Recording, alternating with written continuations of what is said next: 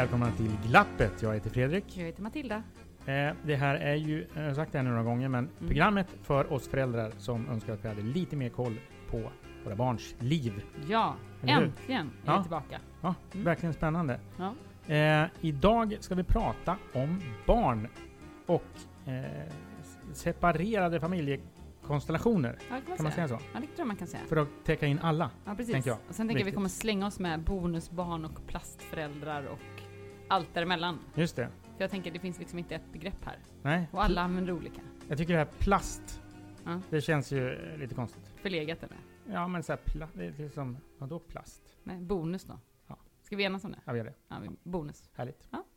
Och för att hjälpa oss i det här samtalsämnet så har vi med oss Farzad Farzaneh.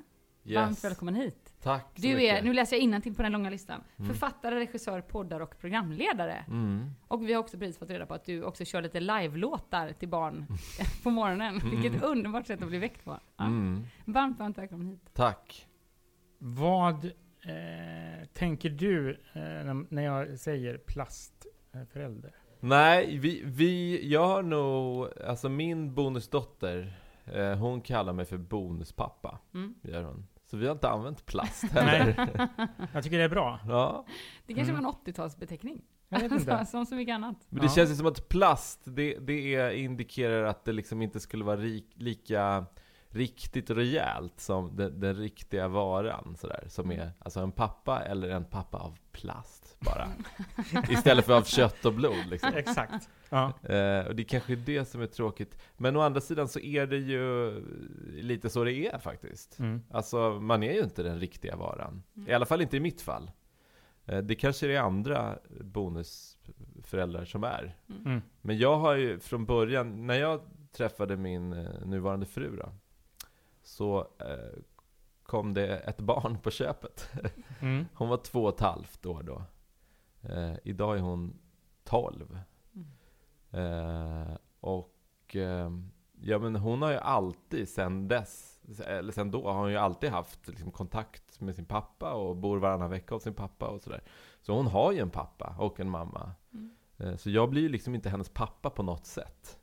Utan det här med, med bonuspappa är bara ett namn. Mm. Liksom, sådär. Va- Vad, eh, får jag fråga då så här, vilka var, kände du då var utmaningarna? Ja, alltså jag har nog fortfarande inte rätt ut vad det var som var utmaningen. Alltså exakt liksom brytit ner till v- v- vad var det för någonting? Var det några praktiska situationer? Var det vad vi...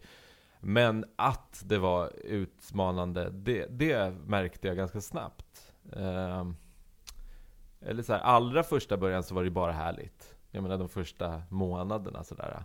Det var som en smekmånad sådär. Allt är bara kul och jag var rolig och ny vuxen som, som, som hade liksom så här, var på ett annat sätt än de vuxna hon kände innan. Ja, men det var bara bra liksom. Men sen så blir man ju van vid varann, man lever med varann och, och eh, ganska snart så kände jag att det är lite, lite, det är inte så lätt liksom. Vad var det som skapade den känslan? Eller några saker som jag vet kändes lite så svåra. Det var eh, att vi, vi skapade ju, eh, vi tre, Mm. eh, en helt ny familj kan man säga. Gans, och det gick ganska snabbt. Det var inte så att jag träffade Lisa och vi dejtade och sådär länge. Utan vi, det gick rätt undan. Och hon blev också med barn väldigt snabbt. Mm. Så att under hela vår relation så har vi antingen, alltså vi började med att vänta barn. Det var så hela vår relation började. Så här. Och, ehm, då så helt plötsligt så har vi ett hem som vi alla tre bor i.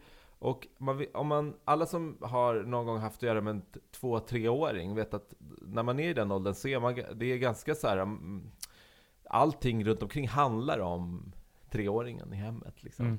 Vad ska vi göra nu? Är det nu vi ska äta? Är det nu vi ska vakna? Är det nu vi ska gå och lägga oss? Är det nu det ska vara lite lugnt? Är det nu... Och så vidare. Så man liksom lägger upp hela sin dag efter det här barnet.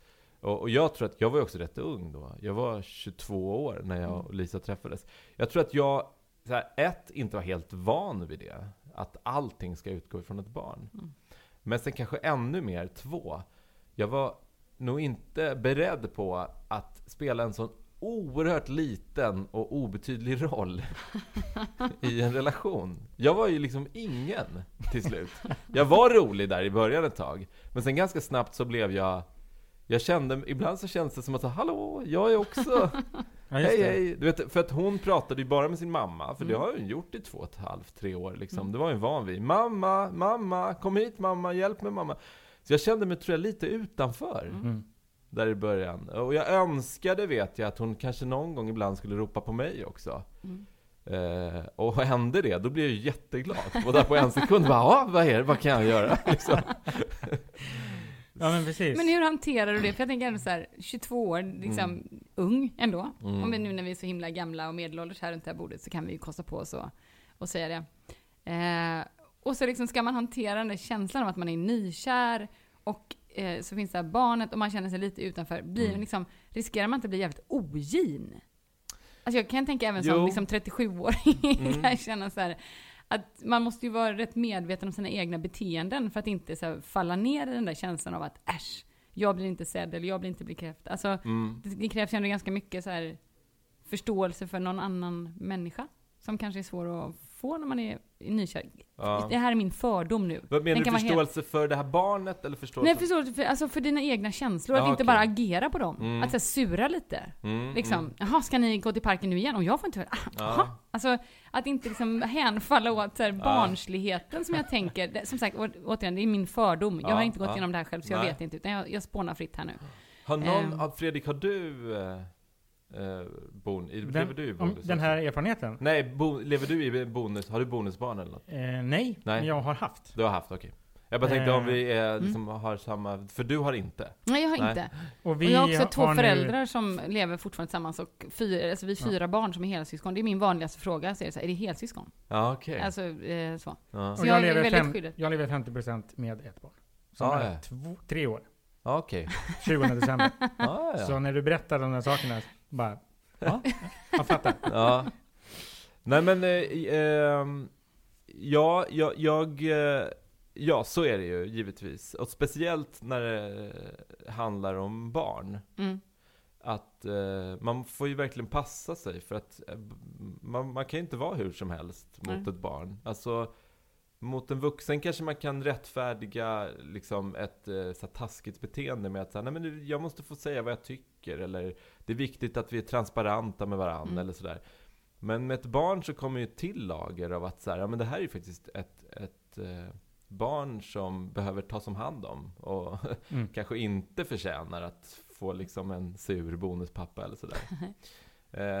eh, och ja, det var inte så att, tror jag, att jag blev sur på henne eller blev tjurig eller så. Eh, alltså när, men däremot så, så här. När det är den här situationen som råder, om man kanske lite grann inte känner, alltså nu, nu överdriver jag, men känner sig lite ibland nästan som en främling i sitt eget hem. Mm. Mm. För att där pågår ju någonting annat. En mamma och en dotters relation och sådär. Mm. Eh, då så kan man, kan man ju inte komma ifrån att de eh, veckorna som eh, hon, in, hon var hos sin pappa Mm. och det bara var jag och Lisa, då blev det ju lättare. Mm. Mm. Ja, det blir något annat. Ja, det, Liksom. det, blev en sa- det blev en massa saker som man inte behövde fundera så mycket på. Mm. Det var bara vi och det var, ja. Eh, och det gjorde ju att, efter ett tag, att eh, jag kände så här, ah, vad, att det var skönare helt enkelt. Och det och det är inte alls konstigt, tänker Nej, jag. det är inte Alltså, alls konstigt. nej. Det är inte ett dugg. Tänk ju vara 22-23 år gammal och så ja. Liksom, det är klart att det var det. Och dessutom så väntade vi ett barn som ju inte var planerat heller. Liksom. Men det var något som vi liksom var pepp inför. Och, men det var mycket som hände i livet just då. Jag hade precis börjat jobba bara ett par år innan. Mm. Innan hade jag liksom bara gått gymnasiet och sen pluggat lite. Alltså jag var ett barn själv. eh, så att, eh, eh, det som hände då, det var att jag, jag kände ganska mycket skam inför det här. Mm.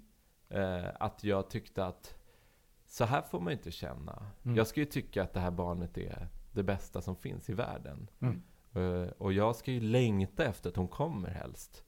Och det gjorde jag inte. Liksom. Nej. Jag, jag, jag, det var inte så att jag tyckte väldigt mycket om henne. Och vi har ju liksom, vi har ju känt varandra nu hela hennes liv. Så att. Det är inte, det är inte så, men, men det var helt enkelt lättare. Eh, Men, men utan. jag tänker att det här, det här eh, ordspråket, blod är tjockare än vatten. Det är ett Ja, jävla skitordspråk. Det är, ett, det är ett, nej, men- jag hatar det ordspråket. Ja, men jag förstår det. Men det är Ja. ändå, det ligger någonting i det du beskriver. Mm. Att det finns en tätare connection mellan, i det här fallet, ja men det visste ju inte jag, för Nej. jag hade ju inte några barn som jag själv eh, hade varit med och gjort. Just det. Så jag kunde heller inte jämföra så här, jaha, eh, så här, det, för i min värld, där och då, så kunde det lika bra varit mitt eget barn. Just det. det var bara att det var någonting som inte var... Men det jag gjorde då faktiskt, Mm. det var att, för jag kände den här, eh, jag kände, ja men skam. Mm. Så, här, så, här, så här får man inte känna. Eh, jag kände mig d- d- usel liksom.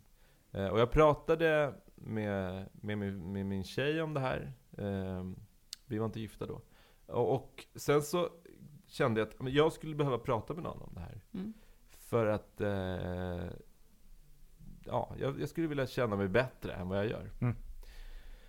Och då så, så här, försökte jag, jag hade aldrig gått i terapi eller något sånt där. Så jag hade liksom ingen erfarenhet av att så här, gå och prata med någon. Eh, jag var ju som sagt ett, Mm. ett barn själv. Nej, men så, så sökte, hittade jag i alla fall någon. Mm. Jag trillade över någon så här, som jag blev tipsad om. Och så gick jag dit. Och det första som den här personen sa när jag berättade liksom varför jag var där. Mm. Det var, och det är lite grann vad du var inne på Fredrik. Eh, han frågade mig så här. Vet du vad ett lejon som träffar en lejonhona som har barn sedan tidigare. Vet du vad den här lejonhanen gör då? Min gissning är att han dödar de barnen. Mm. Nu, Mm. ja. Han äter upp Mm. dem. Mm. Och fick dig att känna dig eh, bättre. Ja men det var lite det han ville säga med att, med att ta upp det här. Det var att så här, det, du får inte skämmas för att du känner så här. För det är helt naturligt. Och hade du varit ett lejon så hade du till och med ätit upp det här lilla Det hade varit värre. Ja, precis. Mm. För att, och, och de gör det egentligen för att så här, ja, ja, det är något som är lite stökigt här som jag inte kan liksom hantera till 100%. Det påminner mig eventuellt om en annan lejonhane och det Fel gener. typ. Ja, precis. Bort. Ja, jag, jag löser det genom att ta bort det här liksom. Mm. Så att vi började där med att så här, du, du får vara liksom schysst mot dig själv och tänka att det här är okej. Så här kan det få kännas lite grann, att det är något som inte är 100% bara harmoni.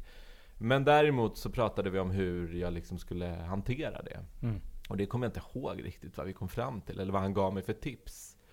Men eh, det hjälpte en ganska bra bit på vägen att bara få veta att så men det här är inte, jag är inte ond liksom. Nej. Typ. Och jag tänker det. att det ofta är så ju med skammen. Mm. Att den ofta är konstruerad i våra egna huvuden. Ja. Eh, och att, eh, lite som du är inne på, att den enda vägen framåt är ju att prata om det. Mm. Och säga hur det känns liksom. Nu uppfattar jag också att du lever med någon som faktiskt kunde ta emot det. Mm. Eh, för jag tänker, det är ju också en, en, liksom en puckel att komma över kanske när man ska skapa sig en ny familj i någon annan konstellation. Att man lever tillsammans med någon som faktiskt klarar av att ta emot det. Och inte blir va? Du måste älska mina barn eller du Mm. måste bete dig på det här sättet eller är du inte klok? Eller, utan Mm. att faktiskt, jag förstår att det känns jobbigt, vad gör vi åt det? Mm. Hur hittar vi vägen fram i det? Snarare än att säga så får det inte vara. Nej. Eh, så det tänker jag också är ett här, gott betyg till en relation. Ja, verkligen. Eh, Nej, men vi kunde prata o- o- om det. Sen var det ju inte, alltså det var ju inte så att det var eh, eh, Situationen var inte så här: Oh my god, det är ohållbart, hur ska vi Nej, göra? Utan nej, det var bara att vi tog de här små Ja. signalerna, den här lilla magkänslan liksom, på allvar. Och jag tänker att det är väl svinbra att göra det från början. Ja, jag tror också det. Med tanke på att det är ju någonting som riskerar att växa. Framförallt om man går runt med sin egen skam och tänker att man är värdelös. Ja. Och då tänker jag att relationen till det barnet man ska knyta an till på något sätt ändå blir ännu svårare. Mm. För att man är så upptagen av sin egen, oj hur känner jag nu och hur känns det här och vad kommer nu? Istället för att så här, så här är det, nu Mm. löser vi det. Ja. Mer än det är litet. Har hon, har din bonusdotter reflekterat över någonting som hon skulle liksom ha velat ha gjort annorlunda de här åren som ni har justerat? Eller finns det saker som hon har varit så här, men det här känns inte riktigt rimligt för mig, eller det här skulle jag vilja ha istället, eller?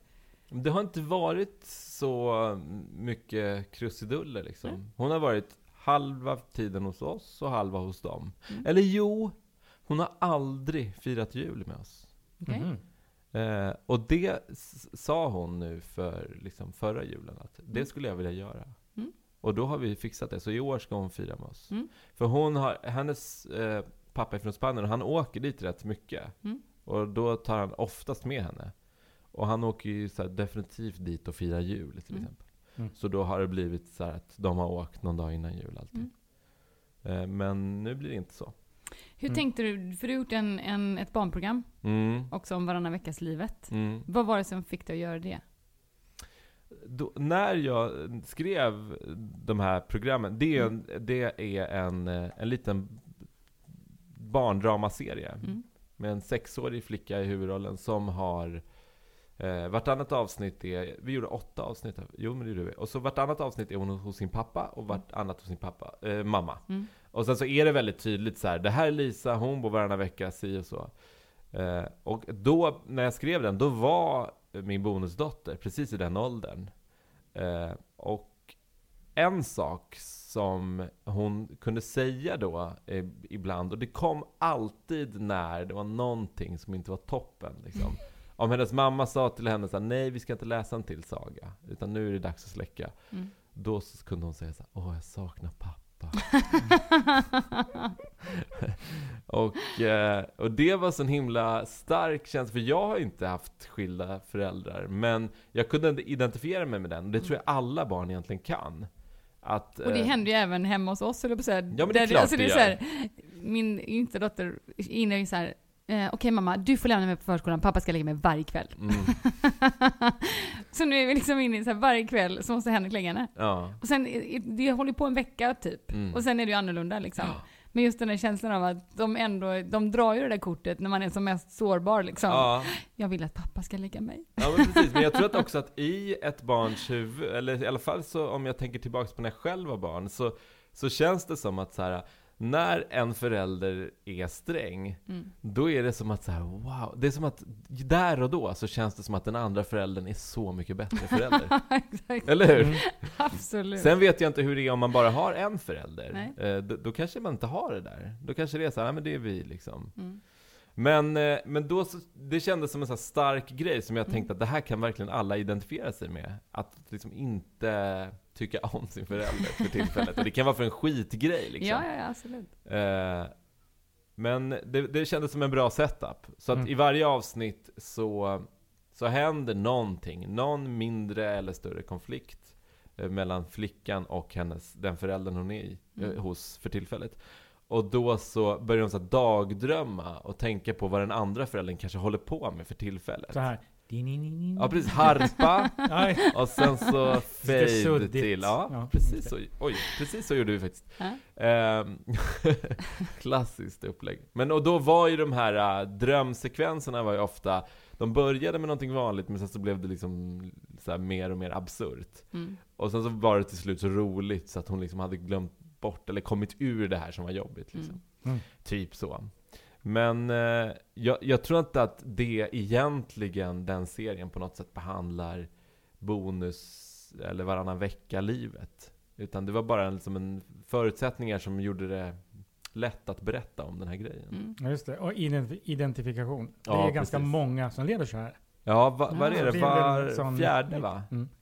Ja, det måste det vara minst, jag säga. Eller det är bara för att skilsmässotalen är så höga i, eller separationstalen är så Mm. höga i Stockholm. Ja, Här är det väl typ 50% tror jag. ja det kanske är så pass. Men det är nog ett storstadsfenomen delvis. ja. I alla fall Så väldigt många barn. Absolut. ja, verkligen. Ja, men det, det är det ju. Och, och om inte man själv så har man ju det verkligen eh, nära sig. Mm. Mm. När, när jag var liten var det, minns jag att det var inte alls så vanligt. Nej. Nej, det är men nog en annan, en annan tid såklart. ja, jag kommer ihåg ett exempel när det var en kompis till mig vars föräldrar separerade. Och det var en så stor grej. Mm. Det var ju liksom, det var ju kris och panik i Mm. flera månader Mm. hemma hos dem. Mm. Och det känns som att det var så när, alltså förr. Att det var så här, då skilde man sig om man i princip inte kunde vistas i samma rum. Mm. Mm. Och idag är det om man liksom tycker lite olika om Mm. olika saker. Alltså man, Ja, just det. Eller känner att man är på väg in i eh, familjen AB. ja, precis. Mm. Verkligen. Eller att det är lite tråkigt. Mm. Det gör vi slut då. Mm. Lite så är det ju. Är det verkligen det? Ja. Jag tänk, fast jag tänker så här, vad skönt att vi har det valet idag. Mm. Alltså jag säger jag inte kan att det tycka- nödvändigtvis är dåligt. Eller det fick jag det ju verkligen låta som att jag tyckte.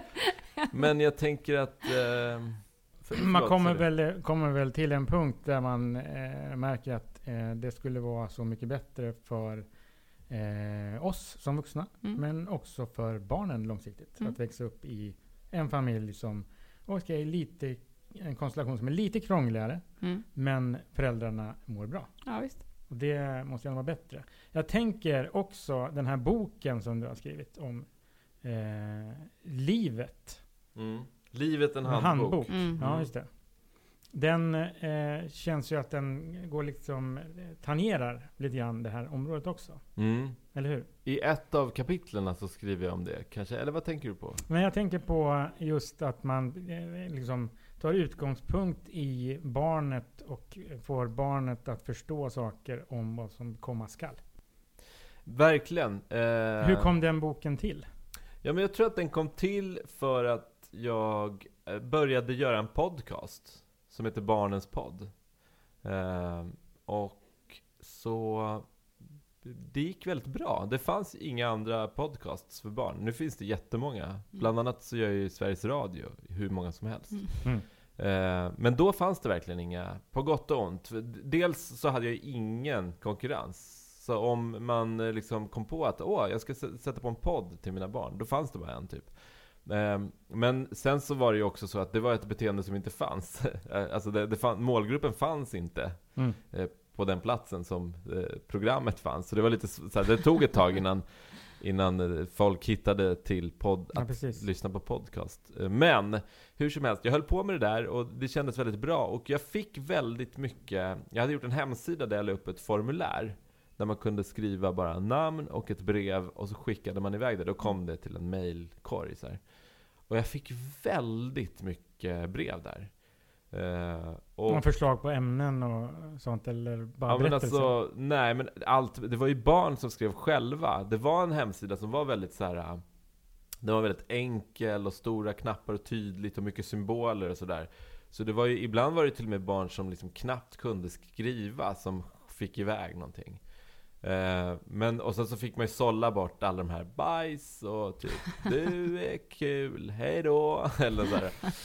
Eh, men vad heter det, sen så eh, var det ganska mycket så här eh, små, små tankar typ om så här, det här är jobbigt eller jag tycker om det här eller jag avskyr när det här händer.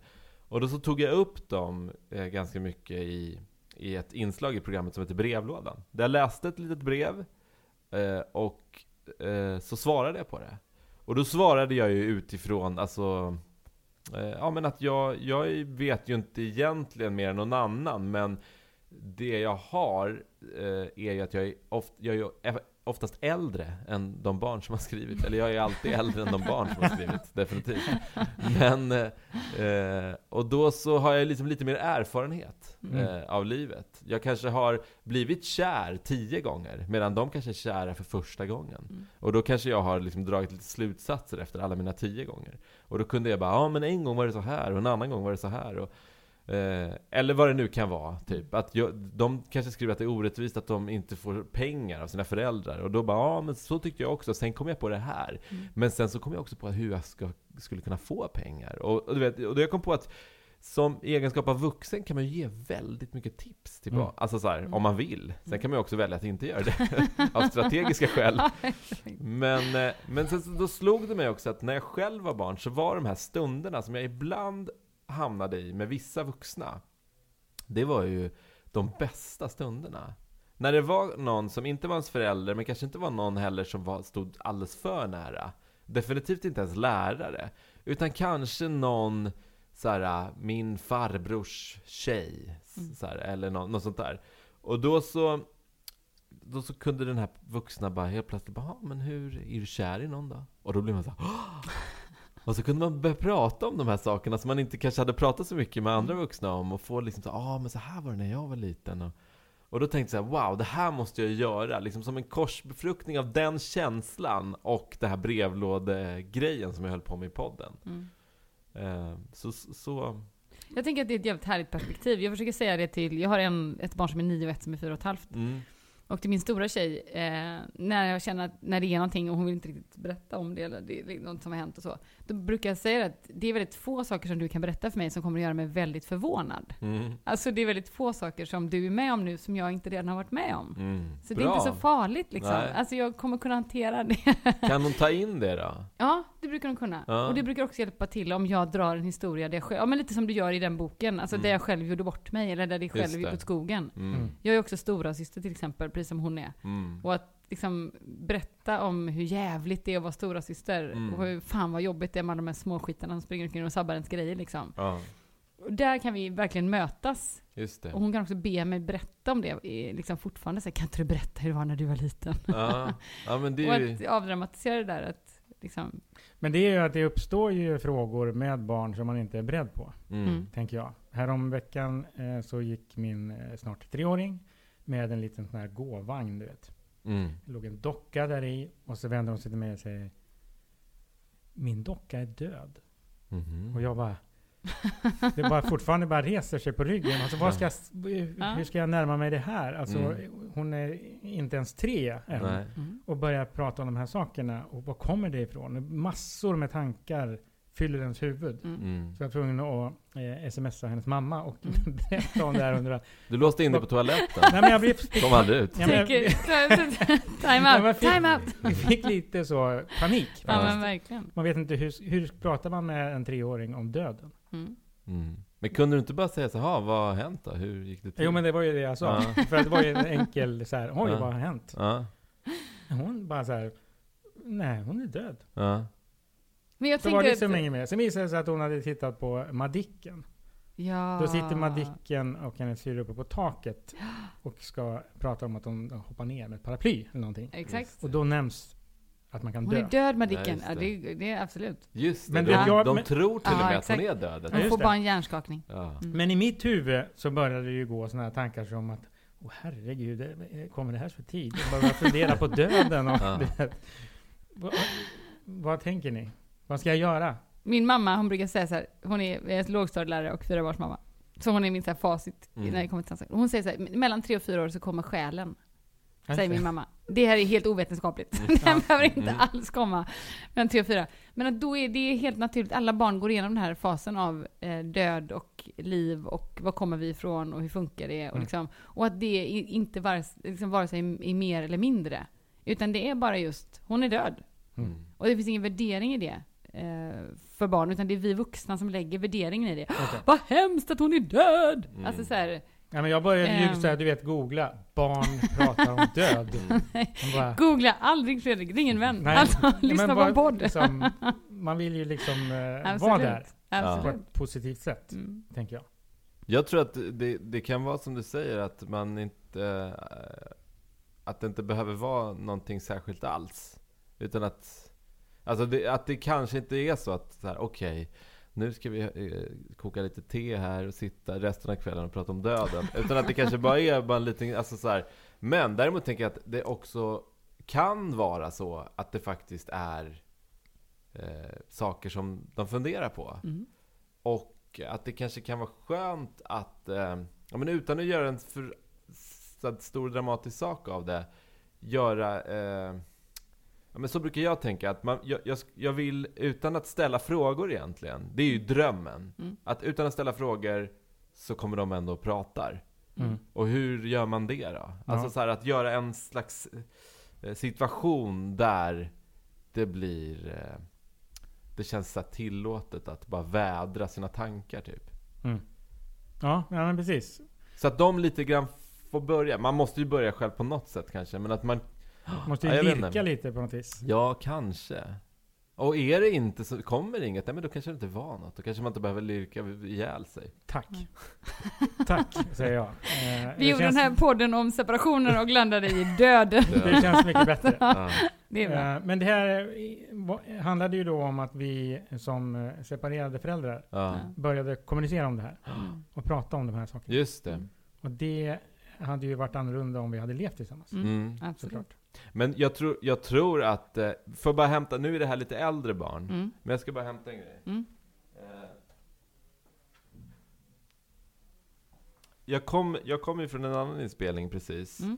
Och då spelade vi in ett program där eh, i vanliga fall, jag gör ett program som heter Barnmorgon i P4 som Mm. sänds varje vardagsmorgon. Och i vanliga fall så pratar vi om ganska lättsamma saker. Husdjur och det är någon som fyller år och sådär. Men nu har vi gjort två veckor där vi har bestämt att vi ska prata om så här, så här, kompisrelaterade grejer, saker som man kanske känner i magen, saker som inte är så lätta att svara på och så vidare. För att vi har haft ett sånt fönster en dag i veckan tidigare och då har vi märkt att det har funnits ett behov. Mm. Eh, Så nu har vi pratat om det varje dag i två veckor. Oj, och vad fantastiskt. Ja, och det, det har varit jättespännande. Eh, och då så pratade vi just, det sista programmet vi gjorde nu var om döden Mhm. just. Och då så var det ett antal barn som hade ringt, vi har en telefonsvarare som man kan ringa. Eh, och då så fick jag det från min producent, så här, för att jag skulle då skriva en låt om, Mm. om döden. Eh, och då skulle jag utgå ifrån deras tankar och så vidare.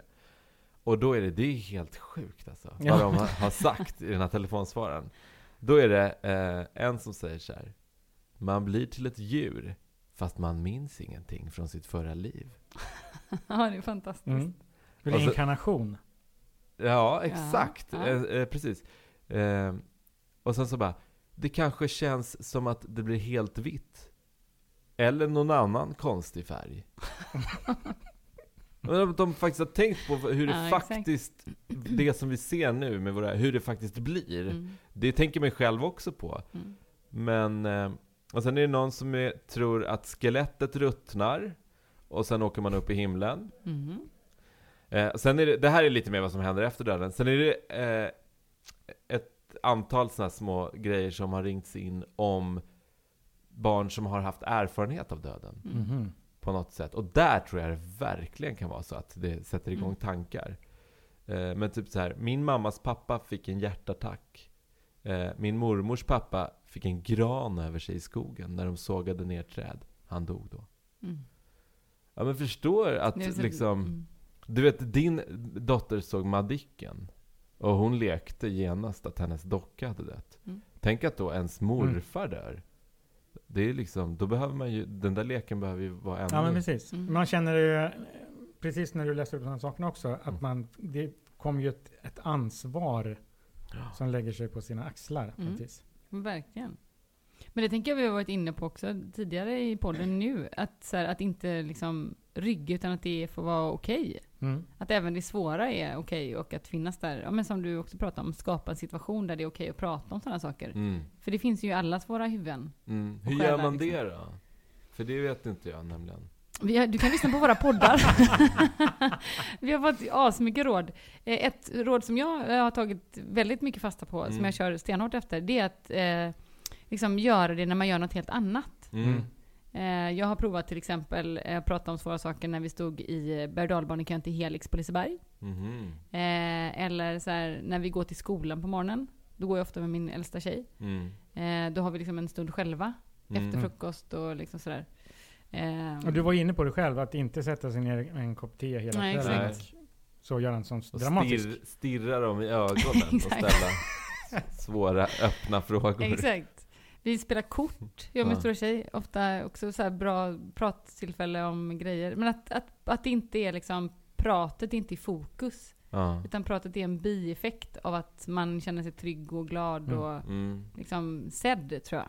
Och kanske inte Eh. alltid komma med eh, vuxna eh, lösningar och svar. Mm. Nej, det är ju min utmaning. Nej, men jag tänker, det är väl precis det man vill också när man vill prata om någonting som Mm. är jobbigt. Då vill man kanske inte som vuxen heller med någon annan höra massa lösningar, utan bara lyssna. Mm, exakt. Och det är väl förmodligen det eh, som krävs här också. Och det Mm. säger ju folk i andra, äh, våra andra Absolut. poddar också. Mm. Mm. Mm. Svårt. Man har ju en massa att säga. Exakt. Ja men det är precis, Det är Ja. min... Det var ju det som var min panik. Ja.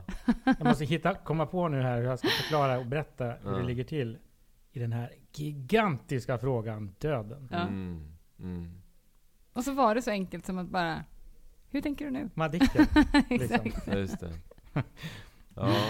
Jag tycker också att det är svårt. Jag tycker att lite grann förstörs de här, alltså...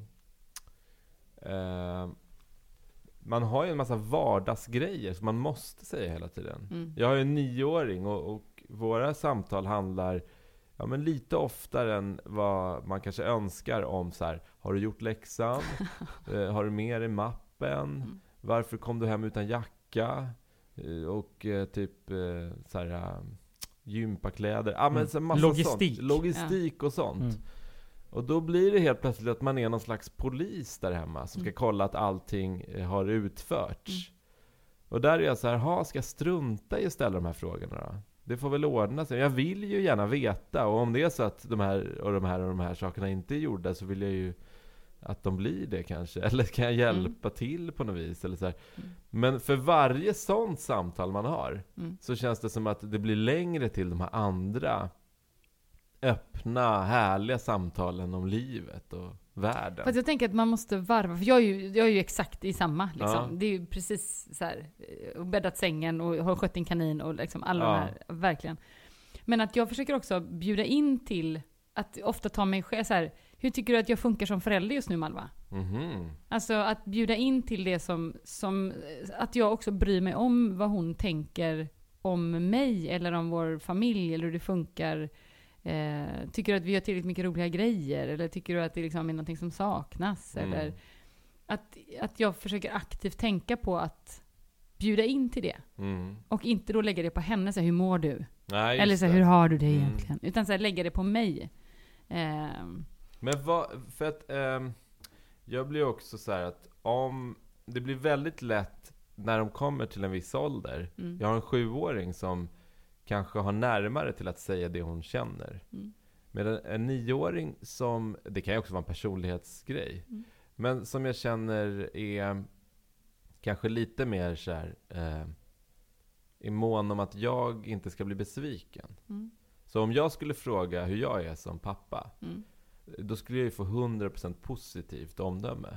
Det får inte jag. Nej, okej. Utan Det tror jag att Jag det... är väldigt mån om att fråga du behöver, jag- att jag säger också det. Jag vill jättegärna veta Ja. hur du tänker på riktigt. Så Ja, att jag okej. kan bli bättre. Ja, Eh, om det är någonting som du känner att det inte som funkar så bra. Eh, och jag blir absolut inte arg Nej. på det. Utan, och då försöker jag säga det i samtalet. Förutsättningarna för Mm. det här samtalet är så här. Och Du då- måste, förutsättningen är att du måste ge mig dålig kritik. Exakt.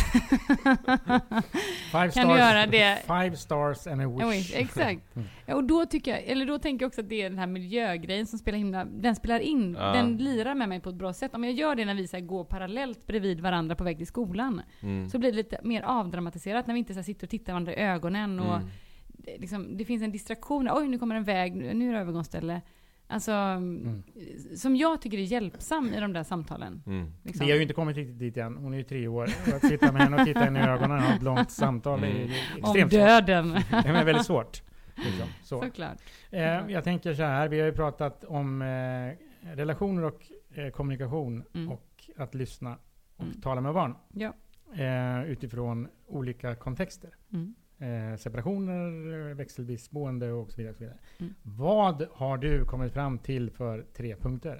Alltså jag har tre punkter, men jag skulle vilja be Farzad, alltså din, en av dina liksom, eh, som jag tänker är din USP liksom, det är ju att du eh, hjälper barn att prata med vuxna. Mhm. Att det är liksom lite din grej. Mm. Ja, jag gör ju det, eller jag vet inte om jag hjälper dem att prata med vuxna, men jag pratar Men ju med ja, dem. Precis, du tipsar dem lite så här. Så här skulle du kunna säga Ja, till en i vuxen. boken, ja, ja. Absolut. Och även så. Ja, så jag visst, tänker, skulle, det- vi har nämligen, nu kommer jag fram till summeringspunkten. Ja. Den är egentligen min, jag ska göra den också. Mm. Så jag har tre punkter som jag summerar samtalet med. Ja. Eh, Men jag tänker, skulle du vilja börja med så här, tre bra råd från barn till vuxna liksom? det, det finns ofta en, en sån stämning, de vet ju, de flesta människor som är av ung ålder, Mm. av låg ålder, de vet ju vad vi, vad vi vill höra lite grann. Mm, Mm. mm, mm. Ja, det, det, det är väldigt vanligt att säga så här, ja men alltså det är viktigt att, eh, att man, man kanske är nio år och så säger man så här, men jag tycker att det är viktigt att man pratar om hur, olika saker i hushållet och har en gemensam och det där känns som att så här, ja, det, det, det, det känns som att det är någonting som vuxna säger och Mm. barn kanske tycker att det låter rimligt och så säger de det också. Jag vet inte. Nej. Men, men det är verkligen en bra fråga. Mm. Alltså, men jag tror att du ska fråga ett barn alltså. Ja, men det gör det. Ja. Vi skiter i den frågan. Jag går på min summering Ja. och så ringer vi ett barn sen. Ja, Eh, när jag ska summera den här podden, det var ju verkligen inte enkelt. Eh, med tanke på att vi har rört oss helt Mm. fantastiska ämnen. Jag är så glad att vi kommer kunna skriva om den här podden. Att den skulle handla om separation och slutade med döden. Jag Ja. tänker att det vara en bra teaser. Men jag, några grejer som jag eh, ändå snappade upp. Bland det första du sa Farzad var så här, vi ska ju skapa en ny familj. Mm. Och det tror jag är liksom en mening som vi behöver ha respekt för. När vi ska eh, liksom just skapa en ny familj. Att det är liksom en, en process. Det är Mm. inget som bara händer. Det är inte så att man skiljer sig och flyttar ihop eller, eller blir bonusförälder eller vad det nu kan vara. Utan det är en process. Liksom. Vi skapar någonting. Mm. Och i det måste vi vara öppna gentemot varandra, både vuxna och barn. Mm. Eh, hur känns det för dig? Hur är det här? Vi får stämma av. Ja, okej, då får jag försöka justera. Mm -mm. Alltså det är ett, ett skapande. Liksom. Det tycker jag var eh, en bra, ett bra perspektiv. Just det. Eh, jag tycker också att det var jättebra, det du pratade om kring skammen. Och det tänker jag också gäller generellt kring föräldraskap egentligen. Att vi kommer att fucka upp på olika sätt, vi kommer att misslyckas på olika sätt, vi kommer att känna känslor vi inte tänker är okej. Mm. Men att vara snäll mot sig själv.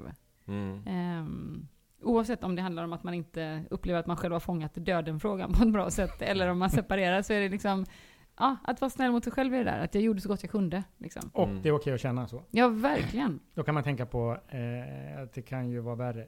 Som Mm. för lejonen. Precis. Precis. Ska alltid jämföra oss med olika djur, så kommer vi känna oss jättebra. Exakt. Det var någon som sa det sen när folk, när barn egentligen fattar att Lejonkungen bara är en sån jävla skitfilm. För att lejon egentligen är de vidrigaste djur som finns på denna jord. Då kommer hela Walt Disney gå i konkurs. Nej men Men de är inte vidriga, de är bara eh, de, de bara omfamnar skammen. Eller de har en, de bara, det är okej att jag Det känner så här. Jag agerar på det. Så jävla bra.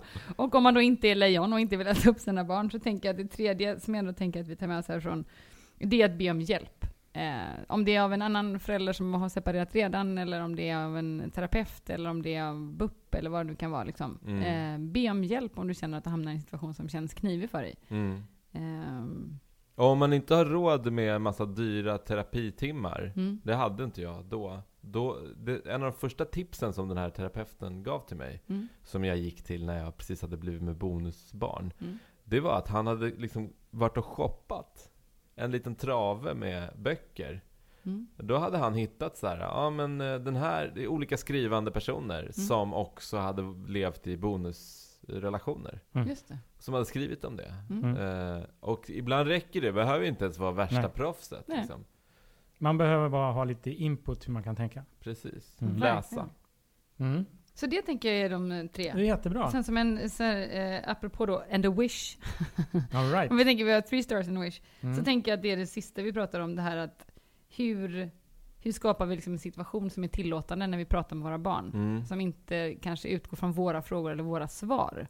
Och det tänker jag också är en jätteviktig del i, en, liksom, i ett skapande av en familj eller i Mm. att liksom, en familj ska liksom, separera eller vad det nu kan vara. Just. Att hitta de där stunderna där man faktiskt får säga och fråga precis vad man vill. Mm. Det är jättebra. Och Mm. är man då på väg in i eh, en sån här situation som Mm. vi inledde med. Ja. Då, eh, Vadå för k- situation? Alltså att man kanske ska Bonus. separera eller Ja, någonting ja. sånt där. Mm. Så Don't man- do it, säger vi. Don't Det är inte värt det. Skitjobbigt. Nej, jag skojar. Ja men exakt. Glappet om kommer nu då- med den största pekpinnen i Glappets historia och den är Separera inte! Men det, då tänker jag, då kan man lyssna på eh, dina program, läsa den här boken tillsammans med barnen. Mm. Absolut. Eh, och massa saker. För att Mm. den, din terapeut eh, hade nog jävligt rätt. Mm. Att vi har ju tillgång till så mycket idag Mm. som vi inte hade för 30 år sedan. Verkligen. Och utnyttja det. Mm. Så tänker jag. Det Bra. var ju fantastiskt spännande att Ja, ha dig här. kul. Ja, men tack för att jag fick komma. Det var kul. Och Tack snälla. eh, bra jobbat med eh, allting kring barn. Mm. Mm. Tack snälla. Imponerande, Mm. tycker jag. Väldigt härligt. Och tack också till dig Matilda. Tack, tack. Vi hörs. Hej, hej.